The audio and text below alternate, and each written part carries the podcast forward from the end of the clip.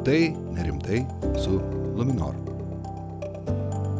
Sveiki, su jumis Algis Ramanauskas, mes vėl sveikinamės iš jaukios Luminor banko kavinės ir kalbėsim šiandien labai svarbių klausimų. Tokių svarbių, kad jeigu apie jį daugiau kalbėtume, turbūt žymiai mažiau turėtume finansinių krachų. Siūlau pakalbėti šiandien apie tai, kaip valdyti finansus siekiant nesusidurti su sunkumais. Lietuvoje per metus bankrutuoja apie tūkstantį įmonių. Dalį jų ištinka matyti natūrali mirtis, bet didelė dalis tiesiog parodo, kad finansų srautai buvo valdyti nemokšiškai. Ir čia Luminore mes pasikalbėsime su tikrais to reikalo ekspertais ekspertais ir išgirsime gerų patarimų, kaip išvingiuoti finansų srautuose. Ir šiandien jau trečią kartą neišvengiamasis Luminor vyriausiasis ekonomistas Žygimantas Mauricas ir jo kolega verslo klientų skyriaus vadovas Vytis Žegužauskas. Gerai, ponai, tai didžiausios, dažniausiai pasitaikančios klaidos, kurios verslo stumia į bankrotą.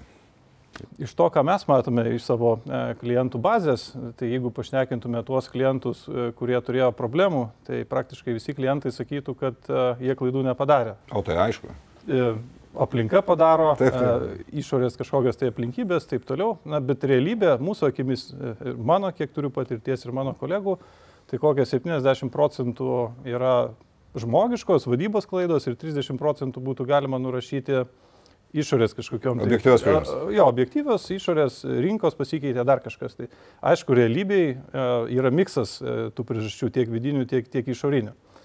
Tai nu, natūralu žmogiška, visi linkia tas klaidas kažkur nurašyti išoriai. O taip apibendrinant iš to, ką mes matom iš, iš savo klientų patirties, e, sugrupuočiau į tokias kelias e, didesnės e, grupės tas dažniausiai daromas klaidas. Aišku, mano tas, ta patirtis nu, nėra absoliuti, tai yra nu, tą, ką mes matom iš savo klientų bazės, tai galbūt jeigu imti visus klientus, kokias jie daro klaidas, tai galbūt kažkaip būtų galima ir kitaip sugrupuoti.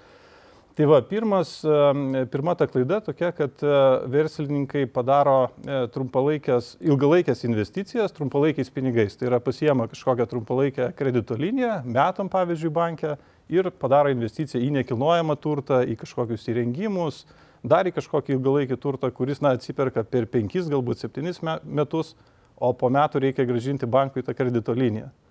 E, lygiai panašiai būna ir su tiekėjų pinigais, kada e, pasiemi atidėjimą 30, 60 dienų, 90 dienų ir padarai kažkokias ilgalaikės investicijas, kurios atsipirks kažkada. Ateina mokėjimo terminai, atsiranda problemos, e, bankrotai, bilinėjimais ir taip toliau. Antra tokia didesnė priežastis tai yra apskritai per dideli prisimami finansiniai įsipareigojimai, gana dažnai pasitaikanti priežastis į viską žiūrima pro rožinius sakinius, atrodo, kad tik tai viskas e, kils, viskas tik tai bus gerai, per mažai dėmesio kreipiama į e, rizikinius dalykus, sakykime, į kažkokius tai e, rizikos ignoruojamos, sakykime taip, ne? ir kada tos rizikos materializuojasi, nukrito pelno marža, sumažėjo pajamos, kažką nespėjau laiku padaryti, atsiranda įtampa pinigų srautuose, kreditoriai netenka kantrybės, vėlgi turim problemas, bankrotą ar, ar kažką tokio panašaus. E, trečia tokia didesnė priežastis būtų e, Europos struktūrinių fondų e, parama, projektai, kurie, na, kuriuos remia Europos struktūriniai fondai. Verslininkas pamato, užsidega akis, euriukai tie pradeda suktis ir kartai žmonės pameta galvą, sakyčiau, šitoje vietoje. Norisi tų pinigų uždyką, nors projektas, kurį pats verslininkas įgyvendina, nors ant popieriaus atrodo jis labai geras, bet realybėje jo tas rentabilumas gali būti Na, nebūtinai geras. Na, sausau kažkoks, tai taip, nebūtinai geras. Ir to pasiekoja irgi matomas tik tas projektas, ne, jis galbūt nerentabilus, galbūt konkurencija kažkokia didelė rinkoje. Ir čia va geras pavyzdys, kada buvo pridaryta kaimo turizmo sodybų. E, pridaryta kažkur toli, nuo Kauno, nuo Vilniaus, ten nuo Klaipėdos, tai yra nuo tų centrų didesnių jos negeneruoja pakankamai klientų, pakankamai pinigų. Jos tiesiog per toli, ne? Jos tiesiog per toli, yra didelė pasiūla, daug yra gavus mm. irgi tą struktūrinių fondų paramą. Na ir tokių projektų tiesiog jie nusivažiuoja. O, o nu, iš to, ką matėm, nu, tiesiog atrodo, ta parama apakina žmonės. Ir tai nebūtinai tik tai e, šituose kaimo turizmo sodybus, yra ir kitose sektoriuose. Ir dabar tas pats būna. Tai tiesą pasakius, mes kaip bankas, jeigu matom, kad tas projektas nu, pats iš savęs negali važiuoti iš pelningumo pusės, iš pajamų generavimo pusės, na mes, okei, okay, gauni tu tą paramą, bet nu, tu pagalvok, ar tau tikrai apsimoka tą daryti. E, ketvirta tokia. Jūs taip ir sako žmogui, gerai, gerai gavai tu tą paramą, ar tau apsimoka tai daryti? Ne? E, vienareikšmiškai, ir... E, vienareikšmiškai, tai mūsų, na nėra tikslas žmogui tik įtikinti, bet kokiam priemonė imta paskolą iš mūsų ir viskas čia bus gerai. Mes objektyviai vertinam, patarim, jeigu matom, kad e, tai nerentabilu, tai bus problemų, mes taip ir pasakom. Tikrai, o jeigu jūs tokia mandri, kodėl jūs patys nedarot kaimo sodybų arčiau Vilnius? Iš kur žinot, kad nedarom. Gerai, tęskit. Turėjom, tu, turėjom tokią sodybą, pardavėm. Praeitais metais. Lai, laiku perdavė, tikiuosi. Tikiuosi, Gerai. laikas parodys. Va, ketvirta tokia priežastis. Uh, darant įmonės plėtrą, e, tiesiog akcininkų ar vadovų nu, nepakankama kompetencija tose naujosios rytise. Sakykime, įmonė, nežinau, gamino kažką, ar, ar tai e, turėjo restoraną, nu, nusprendė plėstis į kitą rytį, visiškai kardinaliai kitą, e, nusprendė į nekilnojamą turtą, va, ryškus pavyzdys, neturėdami tam pilnai kompetencijų. Tai arba pats tu turi pilnai suprast visą tą sektorių, arba tu turi samdyti žmonės, kurie tą gali pilnai tau suvaldyti. Na ir atėjus kriziai, kada tas, tas rytis, į kurią plečiamas nebuvo pilnai suvaldyta, nutempė ne tik tą jau išplėstą rytį, bet ir pagrindinį įmonės veiklą. Tai irgi tokia charakteringa, sakyčiau, klaida. Dar vienas iš tokių dalykų - akcininkų konfliktai.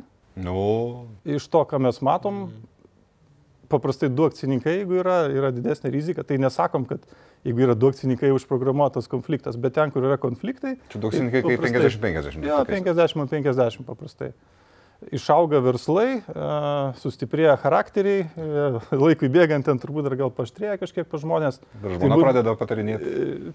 Gali būti, jo, beje, su žmonom irgi tas, tas, tas būna, kai sakom, reikia galbūt čia palaiduoti asmeniškai, nes kitaip neina projektas, sako, žmona neleidžia, tai, tai žmonos vaidina gana didelę rolę. Ekonomikoje. Ekonomikoje.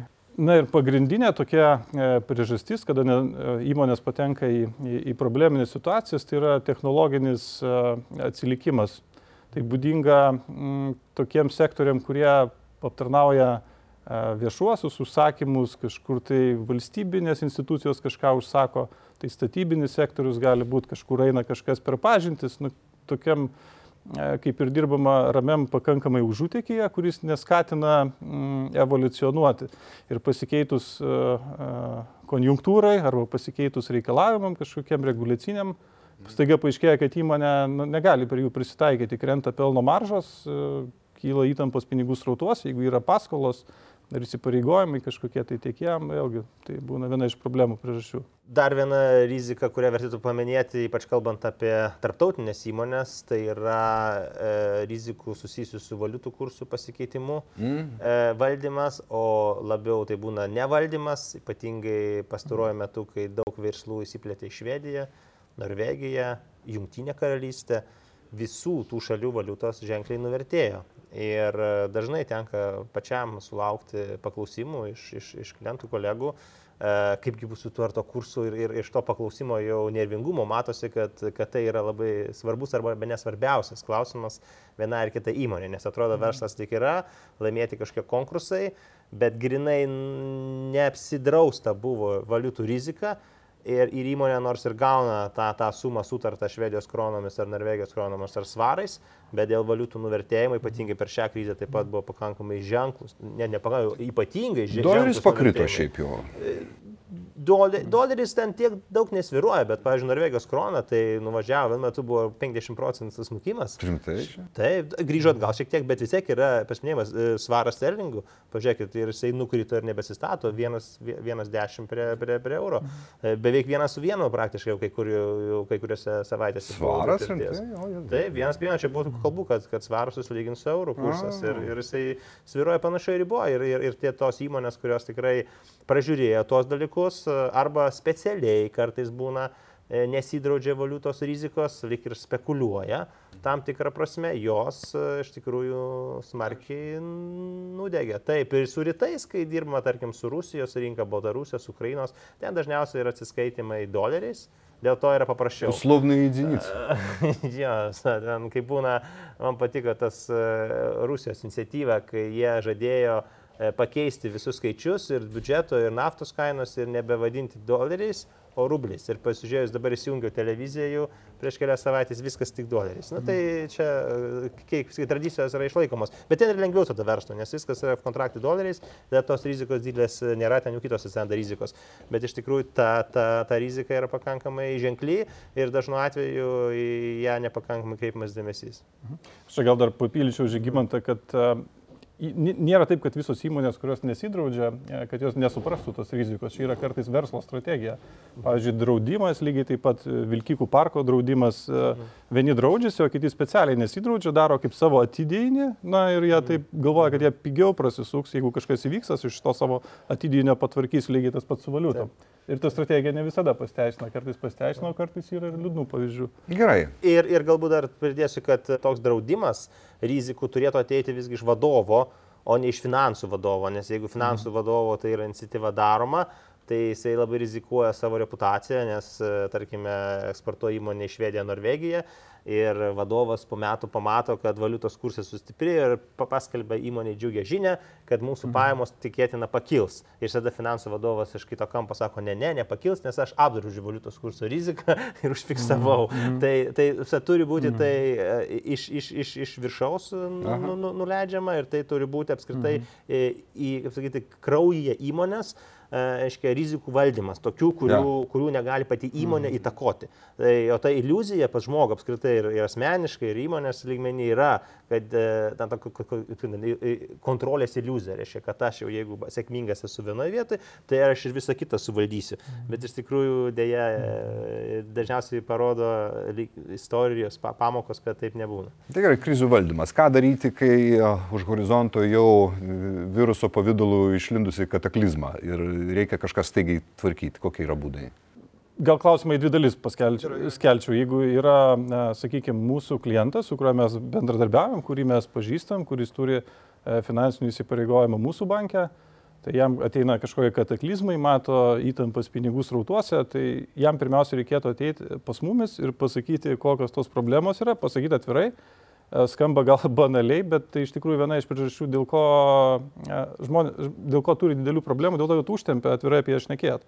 Jeigu tu ateini, tu matai už dviejų, ten už mėnesį, už trijų, tu turėsi problemų. Čia kaip vaikas, kuris nenori danties gydyti, nes e, o toliau, kuo toliau, tuo blogiau bus. Labai, labai geras. Labai geras palyginimas, jo, iš tikrųjų.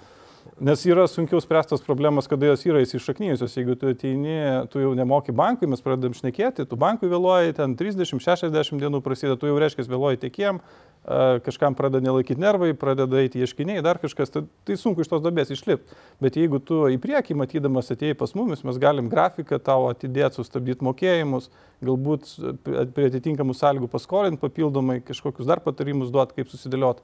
Ir tu lengviau gali iš tos pozicijos išvažiuoti. E, Iš kitos pusės na, yra e, verslo paramos priemonės, kur na, covidinės vadinamos. Ne? Jeigu tau trūksta apivartinių lėšų, tu gali kreiptis e, į mūsų banką, taip pat ir kiti bankai rinkoje tą teikia apivartinių lėšų papildymą su valstybės garantija. Tiek žemės ūkiui, tiek įprastinėm įmonėm, tai tu gali nusikaupt tam tikrą buferį jau tiem savo per, perturbacijom suamortizuoti. Lygiai taip pat yra palūkanų kompensavimas, jeigu mes e, pridėjom ranką, padėjom restruktūrizuoti gražinimo grafikus, tu gali irgi eiti Invega tą pačią ar Žemės ūkio paskolų garantijų fondą, e, prašyti palūkanų kompensavimo ir panašiai. Tai čia kas liečia mus. E, Iš kitos pusės ne tik per bankus ta, ta pagalba yra teikiama, valstybė priemus irgi didelį paketą verslo paramos priemonių, ten jų yra tikrai tikrai didelis kiekis, suma bendra, jeigu nemaišau, 2,5 milijardo, man atrodo, bendras. Ir ten tų priemonių tikrai daug, tai galima jomis irgi žiūrėti, kurios tinka ir, ir jomis naudotis. Iš karto, aišku, geriausiai susižiūrėti, o ne tada, kai problemos ateina irgi. Tai esminis dalykas, ne, ne kaip strūtis, nekišt galvos mm. į smėlį ir pripažinti visų pirma galbūt savo uh, klaidas. Le, le, le, apskritai žmonės ir... Ir prašyti Facebook'e, kad aš suklydau. Ypatingai lietuviai jo labai, labai vis dar nemoka pripažinti klaidų, e, vengia, tarkim, labai, labai didelę jaučia diskomfortą, kažką atsiprašyti reikia arba... Nes čia silpnumo požymis iš tikrųjų stiprumo. Taip, stiprumo ir atsiprašymas, bet, bet iš tos galbūt ir patirties trūkumo. Ja, ja. Ir taip pat iš visuomenės požiūrio į žmonės padariusius klaidas. Aiškiai, jeigu tu suklumpi, tai toks yra įspūdis vis dar likęs, kad iš tavęs įsišaipys arba, arba ten aps, apspardys ir taip toliau. Nors gulinčio ne, ne, ne, nemušama. Tai, tai, tai, tai, tai tokie dalykai yra skirtingi nei tarp anglosaksų šalyse. Anglosaksų šalyse ten bankrutuoti yra gerai, nes ten prisiskaitė yra žmonės, kad kažkoks ten garsus milijardierius tris kartus prieš tai bankrutavęs. Tai skaičiuoju, aš vieną kartą bankrutavau, jo, antrą kartą, reiškia, aš einu link to ir jie, reiškia. Nu, čia, bet jie Tai visai čia ne- gyvenimo būdo kaučeriai galėtų sakyti, bankrutuokit visi. Jo, jie jaučia tai, kad kai yra išmokta kažkokia pamoka, tai praturtina tą žmogų, o ne kažkokio tai proceso pabaiga ir, ir viskas, mm. aiškiai, tu jau čia jau esi ne, ne, nevykėlis ir panašiai. Ir galbūt tai psichologiškai lemia, kad žmonės dėlsia dažnu atveju pripažinti tą realią situaciją. Mm. Ir tada jau užvaldo, sakykime, tas atsiranda vilties triumfas prieš protą. Ne, reiškia, tu, tu viliesi, Vilties- kad, tarkim, triumfas, čia kaip valios kažkoks ar triumfas. karantinas, ar kažkas, tai ar ten ekonomika atsigaus, ar kažkas. Tai ir, ir, ir, ir ta, ta viltis dažnai pakiša, pakiša koją, atsiranda emocijos. Kai emocijos užvaldo protą, irgi labai daug klaidų pridaroma. Aš pats ir disertaciją iš to rašiau, ypač Aš investavime. gal pats padaryk klaidų. Ne, tai klaidų padariau labai daug. Aš dėl to ir kalbu, tai aš kitaip nekalbėčiau, aš ir, ir, ir, ir daug visko esu pridaręs. Ir, ir finansų rinkoje, taigi tu matai, pavyzdžiui, akcijos krenta ir tarkim, tu esi investavęs ten kaip 50 procentų savo visų santaupų, ar netgi daugiau, ir tu matai, kad ten jau 50 procentų vos nekritimas, tai žinai, visokių minčių kyla. Ir, ir žmonės dažnu atveju supanikuoja ir par- parduoda, pavyzdžiui, ant to paties dugno, arba nu, sakykime, slepia tą savo realią situaciją, bando kažkaip tenais įsisukti, tai tos visos emocijos yra. Ir, ir, ir, taigi, ir Šileris, Nobelio premijos laureatas lietuvių kilmės, taigi apie tai rašo. Emocijos užvaldo protą i- ir, ir tada sprendimai priimami yra neracionalūs. Panika. neracionalūs. Iš esmės tai vadinama panika, Taip, taip, taip, taip. Dėl to reikia pa- pripažinti savo iš pradžių, po to pasitarti su kitais žmonėm ir, ir tai jie tada sugražina tą žmogų racionalumo Na tai vėlgi Facebookas, gali parašyti Facebook, ką man dabar daryti ir tu gausi daug gerų pasiūlymų, jeigu tu turi daug, daug sekėjų. Kaip, kaip simptomiška, kaip dažnai būna, kad e, verslas jau, jau matosi, kad bankrutuos, o bankas ima, pakiša ranką, nu šiuo atveju plošta pinigų, transakciją ir, ir išgelbėja. Ir verslas po to eina į kalną ir viskas gerai. Jo, tai bankas visais atvejais, jeigu matom, kad yra problemos, mes visais atvejais einam į dialogą, žiūrim, kuo galim padėti. Jeigu yra klientui gerai, tai yra bankui gerai. Bankas na, tokia institucija, kuri neuždirbinėja iš klientų nelaimių. Ta prasme, galbūt girdėjot kažkur, kur ne bankai taip daro, paskolina, įsikeičia, laukia, kol kažkas atsitiks, tada turtą perima. Jo. Tai bankas na, yra visiškai skaidri. Jis neturi intereso tam, ne? Absoliučiai ne, mes gyvenam iš palūkanų nu, ir teikiamų paslaugų. Tai, tai bankas bet kokiu atveju turi interesą eiti į, į sprendimą kažkokį, bet aišku, į tą sprendimą turi eiti abi pusės. Na, nėra taip, kad um, akcininkas uh, kažkur šonė stovi ir, bankas turi... Akcininkas daryt. su žmona. Akcininkas su žmona, galbūt ir su, su visa šeima. Tie sprendimai gali būti įvairūs. Prasme, e, jeigu yra papildomo užstato, galim kalbėti apie papildomą finansavimą. A, Jeigu to užstato nėra, galbūt galim grafikus prastumdyti. Galbūt kažkokiais atvejais galim ir Grafikus papildomą. atsiskaitymą, ne? Jo, turiu minti kredito gražinimo mm. grafikus. Na, tokios, tokios tos priemonės, bet šiaip labai situacijos jos įvairios. Tai jeigu klausimą tai visiškai konkrečiai atsakyti, ar gali būti, kad bankas įmes pinigų ir padės įsikapsyti, taip gali būti, bet tai nėra standartinis prieimas. Paprastai tai eina per na, kreditų gražinimų grafikų kažkokius pratampimus.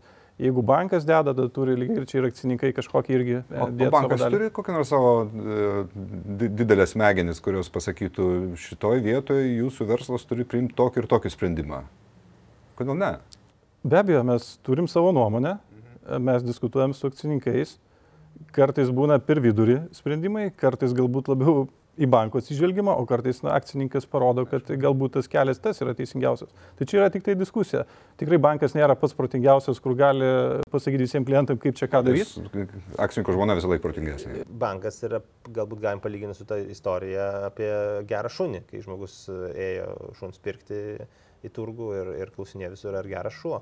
Ir visi sakė, nu, tas nelabai geras, tas nelabai geras. Ir vienas sako, taip, labai geras šuo. Nusipirko tą šunį, patenkintas grįžo namo, išvyko į svečius ir rado namus ap, apvoktus, sako. Tai po to grįžo į turgų, sako, kad kokį man čia šunį pardavė, sako, aš gerus šuns pažiūrėjau, sako, jis labai geras, sako, neįloja, sako, nieko nedaro, įleido, įleido sakykime, tos e, vagis į tavo būdą. Tai tokio ir panašiai. Tai, va, tai, tai, tai tas bankas irgi, jisai, ne, nu, kaip sakyt, geras bankas, tai nereiškia, kad jisai viską leidžia. Mhm. E, bankas geras yra, kuris e, Laiku duoda balsą. duoda suvokti, e, kad einama jau ne, ne per toli, ne, ta, e, ne tuo keliu ir kartais žmogus irgi savo e, sakyti, gyvenimo tiekmei, jam atrodo tuo metu, kad tai yra geriausias sprendimas, bet po to atgal pasižiūrės, jis galbūt netgi dažnai ir padėkoja, kad tas e, vienas ar kitas sprendimas e, buvo priimtas arba neleista buvo tęsti vienos ir kitokios e, kartais ir kvailystės, netgi nelabai protingo e, el, el, elgesio. Ir, ir tas koks kaip sarginis šuo labiau bankas, va tokiu atveju yra sarginis, tai reiškia jis saugo.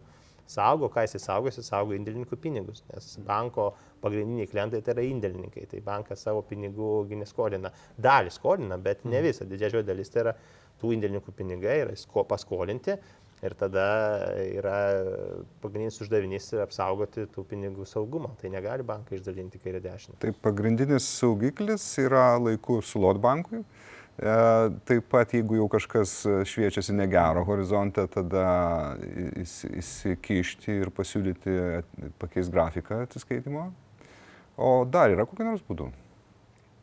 Verslo paramos e, priemonių pagalba gauti nu, papildomą finansavimą. Papildomą finansavimą. Iki šių metų galo yra galiojančios kelios programos, kur tiesiog jeigu yra... Jeigu bankas likvidumo- mato, kad jeigu tai padės, tai Taip. kodėlgi ne? Taip, na, turi įmonė atitikti tam tikrus kriterijus nustatytus e, Invegos arba Žemės ūkio paskolų garantijų fondo ir su jų garantijom mes galim paskolinti, tada likvidumui palaikyti. Kaip ne- neišvengiamai turim apie pandemiją pašnekėti. Kaip, kaip šiuo, šiuo metu lietuviškas verslas ir ne tik lietuviškas verslas ar dažniau bankrutuoja, nu turėtų likti dažniau bankrutuoti? Vėlgi priklauso nuo, nuo šakos, ne? Ger, geras klausimas. e, Šiaip atrodytų dažniau turėtų bankrutuoti, nes yra pandemija, yra sunkumai. Tiesiog va, teko už, užmest akį į vasaros statistiką, tai bankruotų yra netgi mažiau negu praeitais metais. Tai ar tas šešėlis ir grėsmė kabo, taip jinai kabo, turbūt rizika įmonių, daug įmonių yra padidėjusi ir ta reali finansinė sveikata pablogėjusi, bet na, valstybės tos paramos priemonės, jos palaiko tą kvepavimo aparatą ir tų bankruotų natūraliai, e, natūraliai yra mažiau. Tai tos priemonės pagalbos veikia. E, Kas bus kitais metais, dabar sunku pasakyti, e, kada pasibaigs pagalbos priemonių veikimas, gal jos ir kitais metais bus, bet jos vėlgi kažkada pasibaigs. Tai kaip atrodys e, po visos šitos sumaišties, e, ta jau nusistovėjusi situacija, tai aš manau, kad tų bankrotų kažkada turėtų būti e, padidėjęs kiekis. Nes dabar nemaža dalis verslo yra prijung- prijungti prie dirbtino kvepavimo aparatų. Jo. Arba tiesiogiai per paramos priemonės, arba netiesiogiai, nes e, nepamirškim to, kad dar deficitas pakankamai didelis biudžeto, tai yra ir pensininkams, buvo 200 eurų padalinti, ir, ir ūkininkams, ir, ir, ir vaikams, vaiko pinigai buvo išmokėti papildomi, tai tų tokių pamėtymų yra. Ir investicijų programa pakankamai ambicinga. Tai, tai iš tikrųjų, e, na, ta diena ateis, e, kai... Mes jau kalbam apie krizę. Jo, kai, kai grūdai nuo pelų turės atsisijoti ir dalis tų įmonių netgi prieš krizę arba netgi nesant krizė, jos turbūt būtų neišgyvenusios iki šių metų pabaigos, bet dalis tai yra tokių, kurios išgyvena e, tik dėl paramos. Nors šiaip net nebūtų išgyvenusios, jeigu nebūtų Tai krizės. čia yra neigiamas, neigiamas aspektas. E, visiškai. Taip, tai dirbtinai palaikoma gyvybė, tam, kur nereikėtų jau. E, Taip, neigiamas, bet niekas dabar nenori to, sakykime, Dėl socialinių sukrėtimų. Nutraukti, taip, baimės. nes dabar tikrai nėra tinkamas metas, nes dabar visų dėmesys yra pandemija, tai yra sveikatos apsaugos sistema.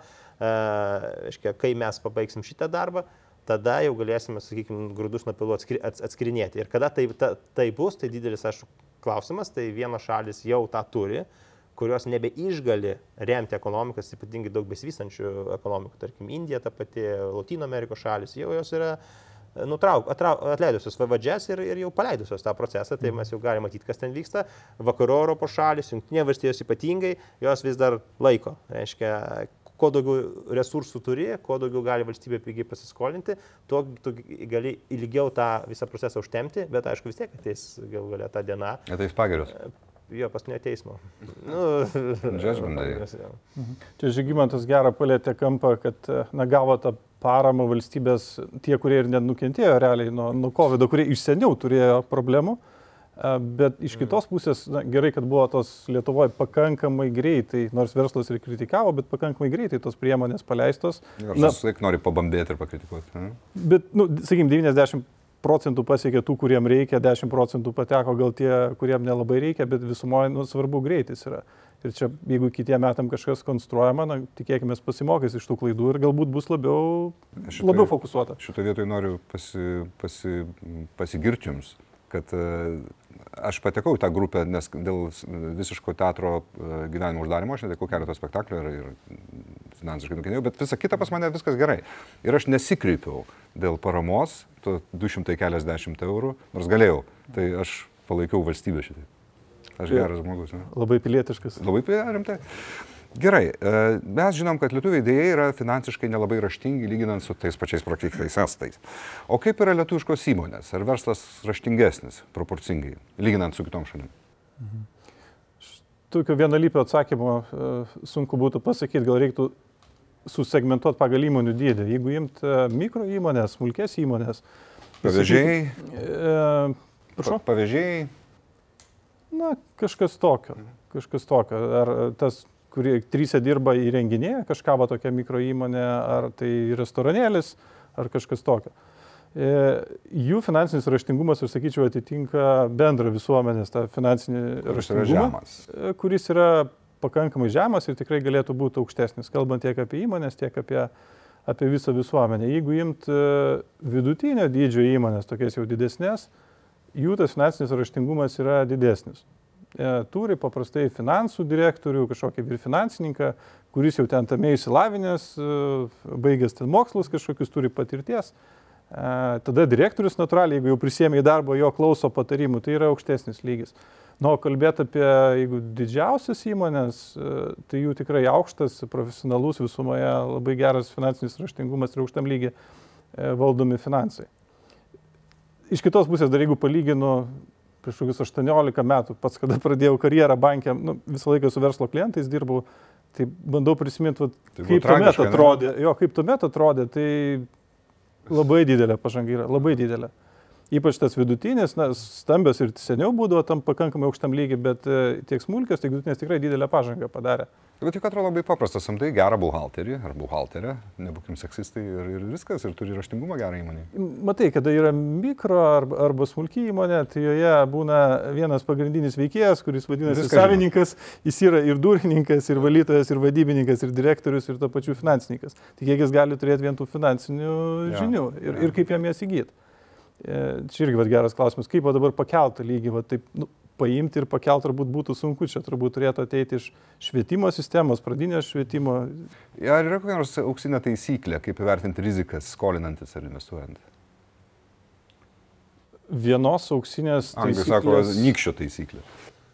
Vienos auksinės taisyklės nėra, tokios auksinės kulkos ar ten to nykščio, bent aš apie jį nežinau. O šiaip iš esmės skolinantis reikėtų, manau, pagrindiniai dalykai tai yra adekvačiai vertinti riziką, visų pirmiausiai, suprast, e, kur eini, dėl ko, kokios grėsmės, kokios galimybės. Ir yra teisingas užsiskolinimas, ne per agresyvus. Na, kaip rodo praktika, per agresyvus užsiskolinimas kartais baigėsi liūdnai. Čia kaip frajerį žadnas gubit. Yra tie, kuriem pasisekė, jie aišku, ta, apie juos visi žino, jie surizikavo, jais visi patikėjo, viskas baigėsi gerai, bet yra tokių, apie kuriuos niekas nežino ir kuriem nepasisekė, tai apie juos niekas nežino.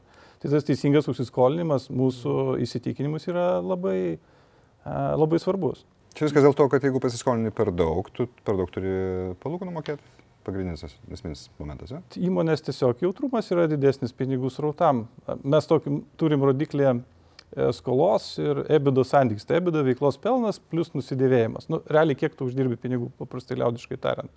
Ir padalinam a, visą skolos lygį iš uždirbamų pajamų. E, Tai pavyzdžiui, jeigu šiaip įprastiem verslam kokie 2,5-5 turėtų būti, tai reiškia, kad užsiskolini iki 5 metų pajamų. Tai yra normalu. Bet e, pas kai kurios apetitas būna iki 10 galbūt užsiskolinti tavo metų pajamų, tos ebidos vadinamos.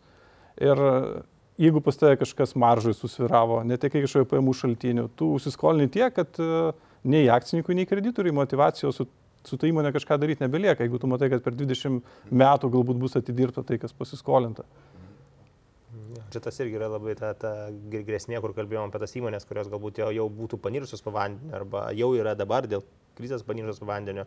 Tai yra paskatų suderinamumo klausimas. Mm. Irgi kiek jos dar stengsis tas įmonės išlaikyti, nes tarkim ir tie mokesčių atidėjimai, tarkim, ne, kaip pa- parama mm. valstybės, tai yra ne mokesčių, at- nu, net leidimai nuo mokesčių, bet atidėjimai. Reiškia, tos įmonės tik atideda mokesčius, kuriuos reikės sugražinti mm. per du metus ar kažkas, kažkas panašaus. Tai reiškia, kai jos išlys iš to, sakykime, koronos e, Komforto zonos. Jo, komforto zonos, jos pamatys, kad joms reikia ne tik mokėti tos mokesčius, kuriuos reikia mokėti einamuosius, Bet bet, bet dar ir gražinti tos, kuriuos susikaupė per tą, per tą laikotarpį. Tai uh, irgi turbūt ne visos įmonės uh, turės pakankamai uh, valios pastangų ryšto.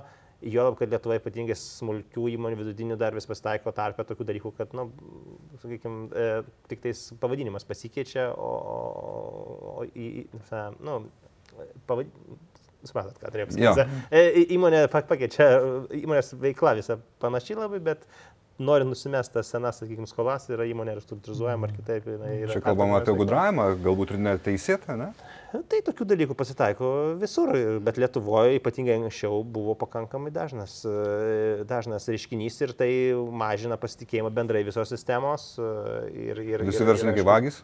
Ne, ne visi. Tikrai ne visi, bet šaukštas degų tai ir medaus atinė sugadina. Tai čia ir tokių dalykų yra. Ir ypatingai, kai iš bankų pusės žiūri, tai tokių istorijų būna ir netgi kartais, na, taip netgi skaudu žiūrėti tokių, į tokius dalykus, Kalbant, nes tada kenčia ir sąžininkas verslas. Kalbant apie skausmą, ju- jums čia lengva kalbėti, jūs verslo ne- ne- nevystot, bet e, už, už kiekvieno bankroto, už kiekvienos nelaimės slypi žmogiškos dušelės. Ir e, ką, ką daryti žmonėms, kai, kai, kai bankrutuoja darbo vieta prarandama, čia filosofiškai. Ne? Jeigu yra, tarkim, uždaraksinė bendrovė, tai tas iš, at, at, at, išradimas jau siekia 17 amžių e, ir jo privalumas didžiausias, kai tai ribotos atsakomybės. E, Aiškiai, tu rizikuoji tik tuo turtu, e, kurį tu investavai į įmonę. Limited. Tai, taip, tai limited liability, tai yra, aiškiai, ribotos atsakomybės, tai, tai na, niekas tau nedraudžia e, verslus kitus daryti, niekas tau nedraudžia kitą veiklą užsiimti, tai bankrotas nėra pasaulio pabaiga. Ir netgi dabar jau mes patobulėję esame asmens bankroto Taip. e, įstatymo, sakykime, toj visoje evoliucijoje, nes... Nežinom, dar- ke, ke, ke, keletą žymių pavardžių Lietuvoje jau praėjo tą. Taip, nes, nes, nes iš pradžių tokių dalinai tokie laukiniai vakarai, reikia pripažinti, buvo Taip, taip, taip. Lietuvoje anksčiau, dabar jau vis tiek yra ta, tas procesas, viskas yra galimybė bankrutuoti fiziniam asmeniui. Tai, tai to, to sakykime, tokio įsivaizdavimo, kad protas tai kažkokia pasaulio pabaiga, jau nebeturėtų būti ir, ir, ir, ir kuo toliau to turėtų žmonės labiau pri- priprasti prie tų dalykų, kad tai yra visiškai na, normalus dalykas. Tai nėra labai galbūt toks džiugus, bet tai Nu, yra kaip kažkoks pamokos nėra. gavimas, nu, tai, tai, tai to, toks gyvenimas, tai yin ir yang, kaip sakykime, vieną gyvenimą, likimas vieną ranką duoda gitatėm. Bet nepamirškim to dalyko, kur prieš tai išnekėjom, kad kuo daugiau bankrutuoji, tuo geresnis verslininkas. Ne? Dar ne Lietuvoje. Kol kas dar ne, bet, bet Gerai, o Dar papildant trumpai, e, Žygimantą tikrai ne pasaulio galas, e, bankrutuoja, vėl bandyti atsitiesti reikia įdaryti, bet manau, kas labai svarbu yra bankrutuoti tvarkingai ir sažiningai. Visokių situacijų matom, vieni verslininkai na, pripažįsta tą realybę ir tvarkingai stengiasi kiek įmanoma dėdami pastangas atsiskaityti nu, tiek su bankais, tiek su kitais kreditoriais, tačiau susidurėm ir, ir su, su, su, su keista tokia elgsena, kur e, stengiamasi tą problemą kuo ilgiau slėpti, lėšos kažkur tai iš, ištransliuojamas per susijusias įmonės, per, per kažkokias schemas, ten jau to įmonė nieko nebelieka, kada kreditoriai ją ateina. Kartais e, kažkokios vilkinimo schemos įsijungia, stengiamasi turtą nudėvėti iki kol bankas atsims taip toliau. E, Gal tu kažką laimėsi taip darydamas savo gerovę kažkiek pasigerinsi, tai bankrutuodamas kreditorių sąskaitą, bet na, kas po to bus? Tu vėl po to bandydamas atsities, tu eisi pas tos pačius kreditorius, ta šalis maža, eisi pas tos pačius partnerius, bet kas taip norės dirbti. Tai tokių pavyzdžių irgi yra, yra ne vienas. Tai ką daryti, tai visų pirma irgi būti atviram ir aš manau, sažiningai ir... ir, ir, ir netidėliot, grįžtant prie skaudančio danties. Ne? O kaip valstybė Lietuvoje, kiek valstybė yra geroji močiutė, kuri ištiesia ranką, kai yra nepiragai? Aš sakyčiau, kad dabar COVID kontekste valstybė ištiesus tą ranką ir verslam tikrai padeda, bet jeigu taip žiūrėt, kada yra ramybės laikotarpis, ne kažkoks kataklizmas, ne COVID, tai kad valstybės būtų kažkokios programos paleistos, kurie bandytų palaikyti gyvybę tiem nerentabiliem verslam, na, aš nepasakyčiau, kad kažkaip tas yra skatinama labai. Y- Yra valstybės tos programos, kur mums garantuoja užimamus kreditus, bet ten daugiau e, orientuota į įmonių augimą. Jeigu įmonė neturi užstato, mums gali duoti Invegos garantiją, mes tada duodam su, tik su tą garantiją, be įmonės užstato e, kreditą, bet kad taip e, bandytų gyvybę palaikyti dirbtinai, įmonėm, kurios nėra rentabilios, tai aš tokių programų nežinau iš valstybės Tai pusės. galbūt ir neturėtų būti, nes jeigu nėra neturėtų. objektyvių priežasčių, Jo. tai tokios žaidimo taisyklės. Ir, ir šiaip jeigu taip visiškai statistiškai žiūrint, tai e, patys dažniausi bankruoto iniciatoriai yra būtent e, valstybinė mokesčių inspekcija arba sodra. Tai apie 80-90 procentų berots yra, jie inicijuoja būtent bankrotą dėl to, kad įmonės dėlse sumokėti mokesčius e, ir, ir tada ateina tas momentas, kai jau reikia pripažinti, kad Nemokus, nemokus klientai, nes e, jūs jau aptarėt tą aspektą, kai, kai, kai pamatot, kad, e, kad verslas eina ne tą linkmę, kaip turėtų ir panašiai. O kiek yra tolerancijos laikė? Jūs matot, kad kažkas negerai kas yra ta riba, ta raudona vėliavėlė, už kurios jūs jau skambinat e, savo verslo partneriui, nu, klientui ir sakot, ponai, mes matom, kad pas jūs yra nepiragai, kad, e, kad jau, jau, jau bankrotų kvepia ir prašom pas mus atvykti. Na taip garsiai pasakyti, kad yra kažkokia tolerancijos riba, turbūt negalėčiau. Mes patys uh, stengiamės vykdyti, nestengiamės, o vykdome visus įsipareigojimus laiku. Na, pabandykite įsivaizduoti situaciją, ateina indėlininkas uh, pasiimti indėlį, na, sakom, biškių užvėluosim 30 gal dienų, gal, gal 45, kaip tas atrodytų ir kaip tas nuskambėtų. Tai jeigu mes anoj pusėje laikomės visų įsipareigojimų, tai sutartys žiūrim rimtai ir, ir stengiamės Na ir, ir kada skolinam irgi ir tikimės, kad e, būtų laikomasi įsipareigojimų laiku. Tai tokios tolerancijos kažkokios negaliu įvardinti, kad yra, bet ką mes sakom, kad jeigu matom, kad yra problemų, jūs ateikit, mes visą laiką rasim sprendimą. Mhm. Tai aišku, verslė gal į tą liberaliau žiūrima, kada prekybininkas prekybininkui kažką parduoda, ai, ten pavėluosiu 30 dienų, viskas bus gerai. Bankė truputėlį kitaip, mes esam griežtai reguliuojami, visi tie dalykai nusėda į, į, į bylą e, įmonės. e, Skamba labai baisiai. į kredito istoriją, pavadinkim kitaip. Na, Ne, ir, ir, ir tau tiesiog gali tavo įmonėje numušti kredito reitingą, taip vadinamą, tau ateityje skolintis gali būti brangiau, tau gali nebeskolinti finansų institucija, tai geriau vėlavimo apskritai jų išvengti. E, Vėlgi apie tą patį grįžtam skaudamą dantį, kad na, ateik ir anksčiau pasisakyk. Bet tai yra tie tokie sta- standartiniai, tokie, sakykim, tokie, taip sakyti, tokios a- a- atkarpos, nes, nes bankas irgi yra labai griežtai reguliuojamas, mm. reikia pripažinti iš kredito rizikos, jeigu žiūrint pusės. Ir, ir, ir bankas turi imtis tam tikrų veiksmų pats viduje e, savo mm. institucijos, jeigu, tarkim, klientas vėluoja daugiau nei 30 dienų, daugiau nei 90 dienų, yra tam, tik, tam, tik, tam tikras, sakykime, į, į skirtingas lenteles turi sudėlioti tas, tas, tas paskolas ir, ir su atitinkamom pasiekmėm.